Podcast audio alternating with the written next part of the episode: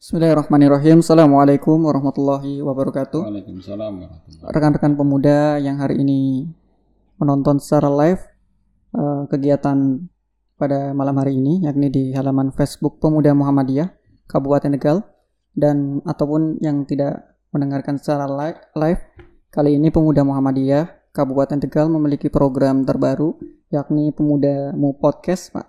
Jadi ke depan, insya Allah Pemuda Mu Podcast ini akan banyak dimanfaatkan untuk media kita menyebarkan informasi-informasi tentang keislaman, dakwah, organisasi, kemudian eh, entrepreneurship dan lain sebagainya. Kan mungkin ke depan ada diskusi-diskusi tentang isu-isu terhangat dari pimpinan daerah pemuda Muhammadiyah Kabupaten Tegal. Alhamdulillah eh, rekan-rekan pendengar. Pada malam hari ini ini adalah sesi perdana kajian perdana dan Hmm. tajuk kita tentu tentang bulan Ramadan, Pak. Jadi tajuk hari ini malam ini adalah tentang bagaimana sih kita mencari sebuah hikmah di bulan Ramadan di saat pandemi global COVID-19 atau coronavirus disease 19. Teman-teman pemuda sekalian, kali ini kami bersama dengan Mas Kakanda ya. Karena saya di IPM jadi manggilnya Kakanda. Iya, Kakanda Yang Sultan Aman. Pak nanti ketuaan. Tapi memang sudah. Oke. Selamat malam Pak Sultan. Selamat malam Mas. Malam. Jadi gimana komentar Pak Kakanda ini tentang hikmah bagaimana kita bisa mencari hikmah di bulan Ramadan di situasi sekarang?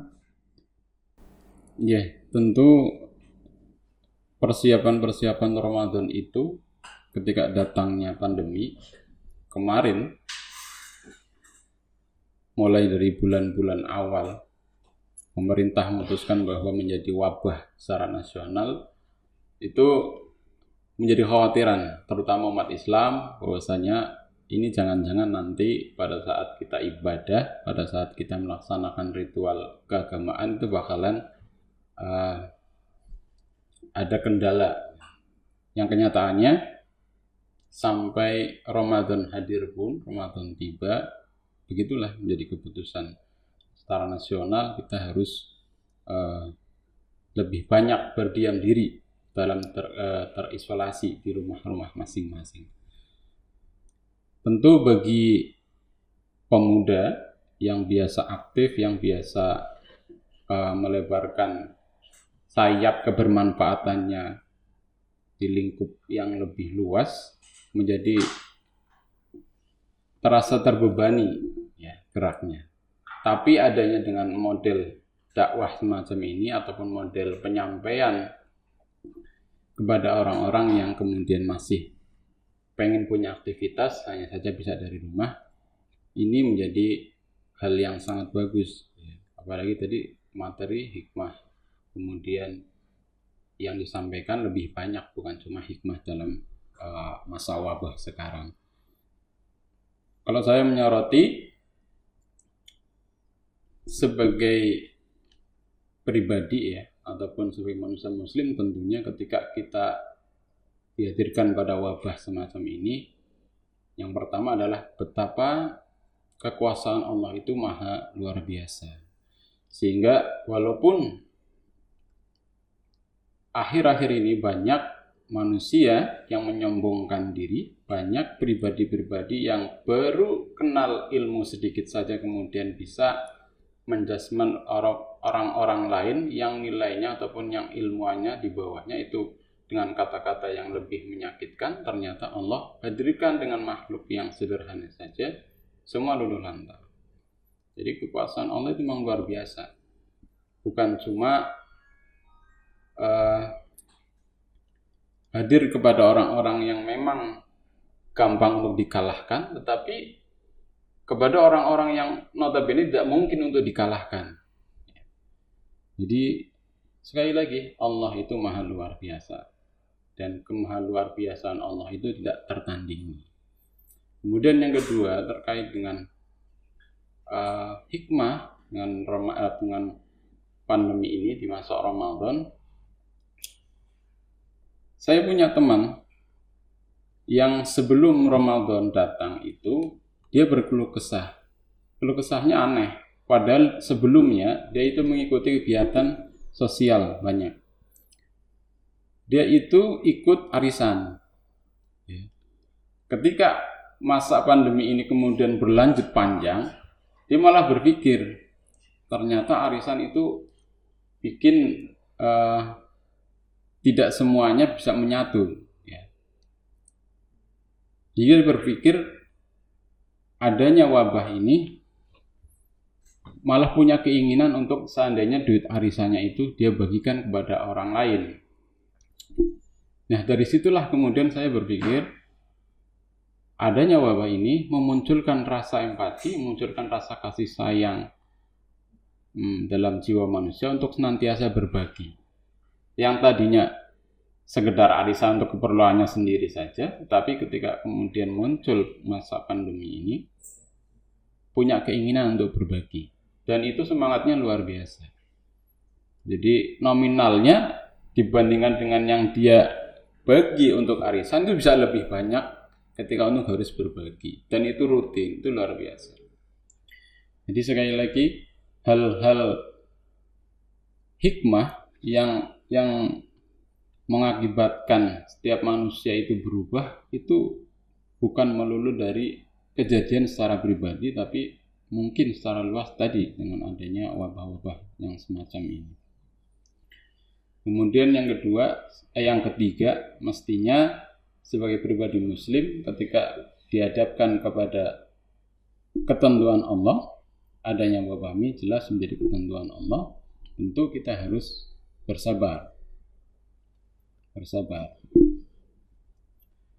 Manusia ataupun saya teman-teman Maulana juga kalau kemudian sebelum wabah menyerang di negeri kita di di lingkungan-lingkungan kita pasti uh, punya gerak yang luas ya tetapi kemudian ketika harus sedikit mengucilkan diri mencari sebenarnya kita itu disuruh ngapain? Kenapa kita harus kembali ke rumah masing-masing? Kalau kata orang dulu, kenapa kita harus kembali ke mihrab kita? Sebenarnya ritual kita di luar itu bisa jadi masih rapuh. Ibadah kita yang senantiasa ditonjolkan kepada orang lain itu masih rapuh. Sangat rentan sekali untuk di uh, katakan sebagai ibadah yang ikhlas, ibadah yang apa segala macam. Sehingga kalau kemudian kita mengisolasi diri di rumah, di mihrab kita masing-masing, sejatinya kita hendak mendekatkan lebih kepada Allah Subhanahu wa taala. Harusnya semacam itu, harusnya. Mengenali setiap kejadian untuk kembali kepada Allah Subhanahu wa taala dan mungkin hal lain juga uh, terkait dengan hikmah itu mestinya bersyukur. Kenapa bersyukur? Karena kita diajarkan ulang bagaimana setelah pandemi datang ada perintah untuk mencuci tangan, ada perintah untuk menutup masker, eh, menutup muka dengan masker atau mencuci jauh lebih bersih. Ada saya agak lupa ini sastrawan atau dia filsuf ya dari orang barat bahwa kebahagiaan, kebahagiaan sejati itu lebih murah tapi betapa mahalnya kita membayar untuk tiruannya kalau kemudian sebagai muslim pernah diajarkan oleh Rasulullah Shallallahu Alaihi Wasallam uh, terkait dengan bagaimana membersihkan diri dengan berwudu dengan lima kali sehari itu sebetulnya murah karena wudhu cuma dengan air saja iya. bahkan yeah. boleh dengan debu atau yang lain yang diajarkan Rasulullah dan itu murah. Jadi ketika wabah menyerang justru lebih besar apa yang harus kita uh, pergunakan untuk bersuci, untuk ber, membersihkan diri kita dari uh, wabah semacam ini. Jadi itu kembali lagi bahwa fitrah kita memang uh, gelisah, fitrah kita juga kadang merasa cemas segala macam. Tapi jangan kemudian kecemasan kita membuat orang lain juga merasa cemas juga.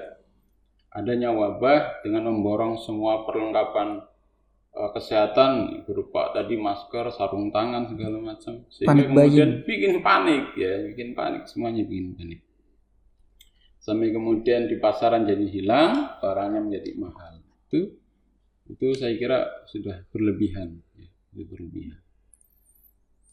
Tapi itu kan mungkin secara ideal ya Pak ketika kita dihadapkan dengan pandemi atau musibah ini sebagai umat muslim harus pertama mungkin bersyukur ya. Kita harus berbaik sangka dengan Allah Subhanahu wa taala bahwa apa pun yang terjadi di dalam kehidupan ini pasti atas kuasanya Allah dan setiap kuasanya Allah pasti ada hikmah yang besar. Betul sekali. Salah satunya tadi tentang gimana tentang kebersihan, kemudian eh, manusia diajarkan untuk kembali eh, bersuci, ya, cuci tangan, kemudian menutup aurat, ya. kemudian tadi ada rasa empati yang ditimbulkan dari pandemi ini, ya. itu kan mungkin secara ideal ketika kita tempatkan pada seseorang ya Pak. Mm-mm. Tetapi yang terjadi kan tidak sedikit juga masyarakat kita yang eh, mungkin ya mungkin pemahaman tentang agamanya mungkin eh, terlalu sempit jadi menganggap ini semua adalah sebuah sesuatu yang menakutkan, Pak. Itu kan juga tidak bisa kita apa? nafikan, tidak bisa kita hilangkan dari masyarakat. Nah, di sinilah mungkin bagaimana sih menurut Mas Sultan melihat itu semuanya? Melihat masyarakat kita yang seperti itu. Gimana? Iya, kalau hal itu berlaku kepada masa di mana pun kita menempatkan diri dalam artian mungkin di tahun-tahun sebelum kita juga ada orang yang modelnya semacam itu. Tingkatan orang berbeda-beda dalam menyikapi suatu hal. Nah, itu sebagai ladang kita juga bagi orang atau bagi pemuda khususnya di di lingkungan Kabupaten Tegal yang mungkin lebih bisa eh, waktunya, tenaganya, kemudian secara keilmuannya lebih luas, bisa memahamkan kepada orang-orang yang demikian. Maka aneh juga sebetulnya ketika sudah ada himbauan dari pemerintah, dari organisasi, dari mana pun tempat untuk eh, tidak melakukan kumpul-kumpul atau physical distancing kita harus dikasih jarak kepada orang-orang lain dan Diabaikan. masih masih ada orang yang mengabaikan bahkan menganggap itu hal cemen gitu ya menganggap itu hal eh, terlalu remeh ya.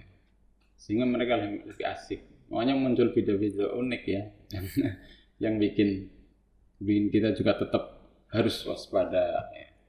Berarti peran dari eh, semua elemen juga untuk memahamkan iya betul Masyarakat ya, Pak? Karena di masa pandemi juga tidak semuanya orang itu langsung paham tetap ilmu harus diajarkan tetap pemahaman itu harus ditularkan kepada yang lain terkait dengan eh, kebiasaan kita kayak berjamaah di masjid. Pak. Sekarang kan kita tahu otoritas eh, keagamaan MUI sudah MUI dan kalau dari kita dari PP kan PP Muhammadiyah sudah menganjurkan untuk mengimbau untuk sholat di rumah ya Pak. Kalau sekarang tarawih di rumah, mungkin bisa ambil hikmahnya apa Pak di situ Pak? Di situ kan sesuatu yang tidak biasa di di masyarakat kita. Kita harus yang biasanya Ramadan rame ke masjid, tetapi hari ini di rumah. betul mungkin bagi orang yang sudah berkeluarga ya tentunya ataupun yang masih sendirian kan masih punya keluarga dengan eh, orang tuanya Kalau yang ngekos Pak, Kalau yang kos masih ada teman-temannya gitu. Artinya di rumah pun masa pandemi ini jauh lebih apa ya nyaman ya. Ketika dulu mungkin saudara-saudara kita atau teman-teman pemuda kita ketika Ramadan datang tidak melulu di rumah. Ada yang harus tarhim ada yang harus eh, tarawah keliling segala macam. Ataupun ikut bukber bahkan ada sahur. Abdurrahman selama satu bulan kan tidak di rumah. Mungkin bisa jadi kalau kemudian uh, hari ini tidak ada pandemi masih itu masih berlanjut. Dan kebermanfaatnya mungkin dinilai kurang. Sehingga Allah hadirkan uh, ini masa pandemi ini untuk lebih mendekatkan kepada keluarga. Saya kira itu keluarga juga butuh kita perhatikan bukan cuma orang lain. Jangan sampai kemudian keluarga di nomor sekian kan dari kita boleh bermanfaat untuk orang lain. Hanya saja kebermanfaatan kita pun harus terukur tidak serta merta ya. Karena mungkin di luar ah, di rumah merasa jenuh kemudian lebih nyaman di luar dan selamanya di luar kegiatannya. Dan masa pandemi ini lebih menyadarkan kepada kita bahwa orang-orang yang sebetulnya menyayangi kita selama ini pun harus kita perhatikan. Setidaknya kalau saya pribadi punya anak, kalau setiap uh, pekan hampir kegiatan di persyarikatan banyak, anak minta nagih untuk jalan-jalan segala macamnya itu kan kadang harus ditepis dulu. Jadi tunggu liburan, nunggu uh, pas jamnya senggang segala macam. Tapi kebetulan ataupun sudah menjadi takdirnya Allah untuk datangkan wabah ini, saya lebih banyak di rumah, kemudian kegiatan-kegiatan pun tidak selamanya ataupun lebih banyak keluar, ya, tidak banyak di luar saya. Jadi lebih bisa fokus membina keluarga, membina anak-anak. Berarti sekarang ngimami di rumah terus, Pak? Ngimami di rumah terus. Uh. Bahkan kalau seandainya anaknya sudah bisa suruh ngimami sendiri. Iya. Itu juga problem, Pak. juga. juga. Juga problem kan masyarakat kita kan disuruh di rumah, Pak. Iya. Kemudian yang jadi imam juga kadang ada masalah ketika ya mohon maaf tidak semua masyarakat kita bisa baca Quran kemudian punya hafalan banyak, Pak. Itu juga problem buat mereka, Pak. Iya. Jangan-jangan, bukan jangan-jangan, bisa jadi kalau misalkan di rumah malah tidak tarawih momen Ramadan ini untuk mengikat dan uh, memfasilitasi jamaah memfasilitasi umat Islam untuk lebih dekat ya, di masjid tetapi hari ini di rumah seperti biasa ya selama ini sih saya belum mendengar langsung ya hmm. kaitannya keluhan kemudian ketika di rumah tidak menjalankan taraweh. Atau jangan-jangan tahun kemarin pun ketika masih ada taraweh di masjid mereka juga nggak ikut. ya makanya nggak heran juga. Uh, kita menyikapinya biasa saja. Dalam artian kalau kemudian masih ada hal ataupun manusia-manusia yang tadi model-modelnya semacam itu ya dipahamkan mulai didatangi kita syukur-syukur diajarkan Al-Quran kan? Sehingga ketika sholat tidak lagi uh, merasa iri kepada eh, merasa apa tidak percaya diri karena keluar harus menyamai keluarganya. Kalau menurut Mas Sultan esensi dari Ramadan ini berkurang atau tidak? Jadi dari, mungkin dari uh, bulan Ramadan tahun lalu kira-kira berkurang atau, atau tidak karena adanya ini? Karena adanya wabah gitu yeah. ya. Sebenarnya sih kalau saya pribadi tidak, eh, kalau saya pribadi tidak berkurang hanya berbeda jelas berbeda karena uh, ketika Ramadan tahun-tahun lalu mungkin kalau di, di pemuda khususnya di daerah itu untuk mengadakan event kegiatan ya yang skalanya luas membawa masyarakat banyak itu harus prepare jauh-jauh hari. Sedangkan untuk masa-masa sekarang itu cancel semua Pak cancel tetapi punya jitu alasan jitu. Maksudnya punya cara lain yang lebih singkat punya punya kegiatan tapi dikomunikasikan lebih lebih matang dengan waktu yang singkat. Itu uh, saya bersyukur sekali dengan hal demikian. Tidak perlu banyak omong yang penting tes tes tes tes kegiatan. Action, ya? iya seperti itu. Hal hal ini justru bikin iri. Bikin iri orang-orang yang kemudian pengen juga ingin juga memberikan manfaatnya kepada orang lain. Terutama termasuk teman-teman pemuda ketika melihat podcast di di mana di media sosial kemudian uh, barengi pengen barengi kegiatan semacam itu di uh, pemuda. Itu kan suatu hal yang bagus juga. Ngomong-ngomong tentang podcast ini kan perdana nih pak. Iya Gimana? kesan pertama gimana pak sedikit Pesan per- pertama saya terus terang untuk berbicara di depan kamera itu ada rasa-rasa ini luar biasa percaya diri. Hanya saja karena yang diajak ngomong adalah orangnya sendiri, ya, sudah kenal. Jadi ya biasa aja dibawa aja. tapi ini luar biasa loh Mas Sultan jadi eh, narasumber pertama di pemuda Iya nggak biasa. ah nggak bisa Sudah banyak lah. ah, sudah banyak ya. Lebih banyak. Saya malah justru melihatnya kemarin saya khawatir, bukan khawatir ya, kecewa juga kepada dai-dai di lingkungan kita ataupun mungkin kalau secara nasional masih ada dai-dai yang kemudian secara mandiri merekam dakwahnya di lingkungan mereka kemudian menyebarkan eh, ke dunia maya. Sedangkan di kita khususnya itu sedikit sekali. Ya jadi masih sporadis. Dalam artian orang-orang yang pengen menyampaikan itulah orang-orang itu saja yang punya iseng kemudian merekam disampaikan eh, di share di media sosial. Saya pengennya sih se- setelah ini tim-tim kreatif dari pemuda dari ikatan pelajar itu juga bisa aktif Berlanjut bikin, ya, iya bikin aktif semacam ini. Taruhlah tidak mesti harus durasi panjang durasi pendek saja pesan-pesan singkat. Yang intinya tidak terlalu banyak pesannya tapi mengena kepada pemirsa kepada pendengar dari jamaah khususnya di persyarikatan. Ya berarti alhamdulillah ini juga salah satu hikmahnya mungkin salah pak? satu hikmahnya. Karena kita dibatasi keluar kemudian Iya. aktivitas kita kegiatan-kegiatan perkaderan ditunda dihentikan. nah kita pakai ini pak sebagai media untuk Nah iya, Artinya- untuk teman-teman pemuda yang punya keahlian eh, multimedia juga tampil. Mungkin masanya sudah semacam ini, tidak perlu lagi. Ataupun hal yang kemarin masih bisa, tapi di masa depan generasi setelah kita mungkin masanya model semacam ini.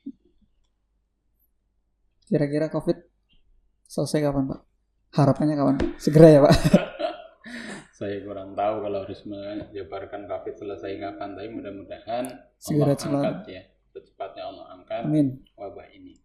Dan yang penting hikmah terakhir adalah segala ketentuan yang sudah terjadi menjadikan setiap manusia yang menjalani menjadi ridho. Karena hikmah apa pun dalam musibah itu poin pentingnya adalah ridho. Ketika kita ridho dengan ketentuan Allah, maka jalan keluarlah yang ada.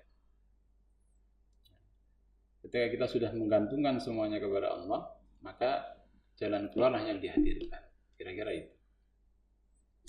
itu mungkin mungkin sampai sini dulu pak ini yang perdana mudah-mudahan nanti bisa berlanjut diskusi lagi tentang uh, hikmah dan mungkin dengan tema yang lain di pemudamu podcast mungkin sampai di sini dulu Mm-mm. untuk podcast pemuda Muhammadiyah Kabupaten Tegal saya Maulana Ahmad Farhasi dari IPM Dan kemudian ada saya Sultan Aman. Sultan Aman ya Bidang, bidang apa pak bidang dakwah. ketua ya pak Wakil ketua. wakil ketua kalau pemuda gimana sih wakil ketua ketua umum ya pak Iya. terus Ketua, kemudian wakil ketua. oh ketua wakil ketua Yang membawa itu.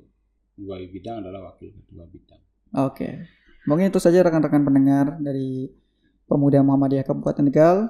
Kurang lebihnya mohon maaf. Wastabiqul khairat. Assalamualaikum warahmatullahi wabarakatuh.